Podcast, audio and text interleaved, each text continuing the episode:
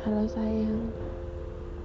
2359 Tinggal beberapa detik dari 2019 yang tersisa. Setahun ini terasa begitu cepat. Banyak perubahan yang kita rasakan. Waktu-waktu kita bersama jauh berkurang. Tapi di sini aku justru menyadari banyak hal. Arti kebersamaan yang dulu sering kali kita sia-siakan. Arti setiap pertemuan yang memang perlu banyak pengorbanan.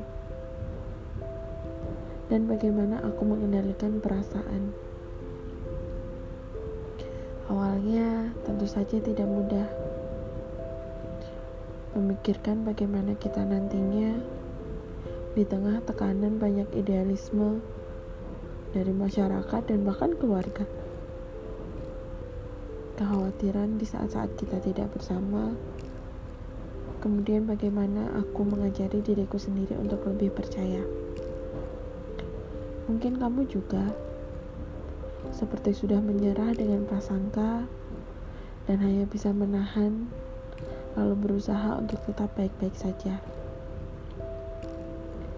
Mungkin ini yang dinamakan dunia orang dewasa. Di saat kita dibuat lelah, menekan ego agar tetap bijaksana. Di tengah ketidaktahuan kita akan masa depan,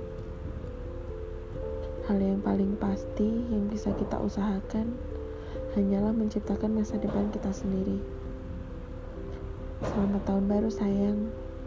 Meski tak banyak, Semoga sedikit yang kubuat ini bisa mengisi semangatmu yang mulai lelah. Mari tersenyum untuk petualangan yang baru. Selamat tahun baru. thank you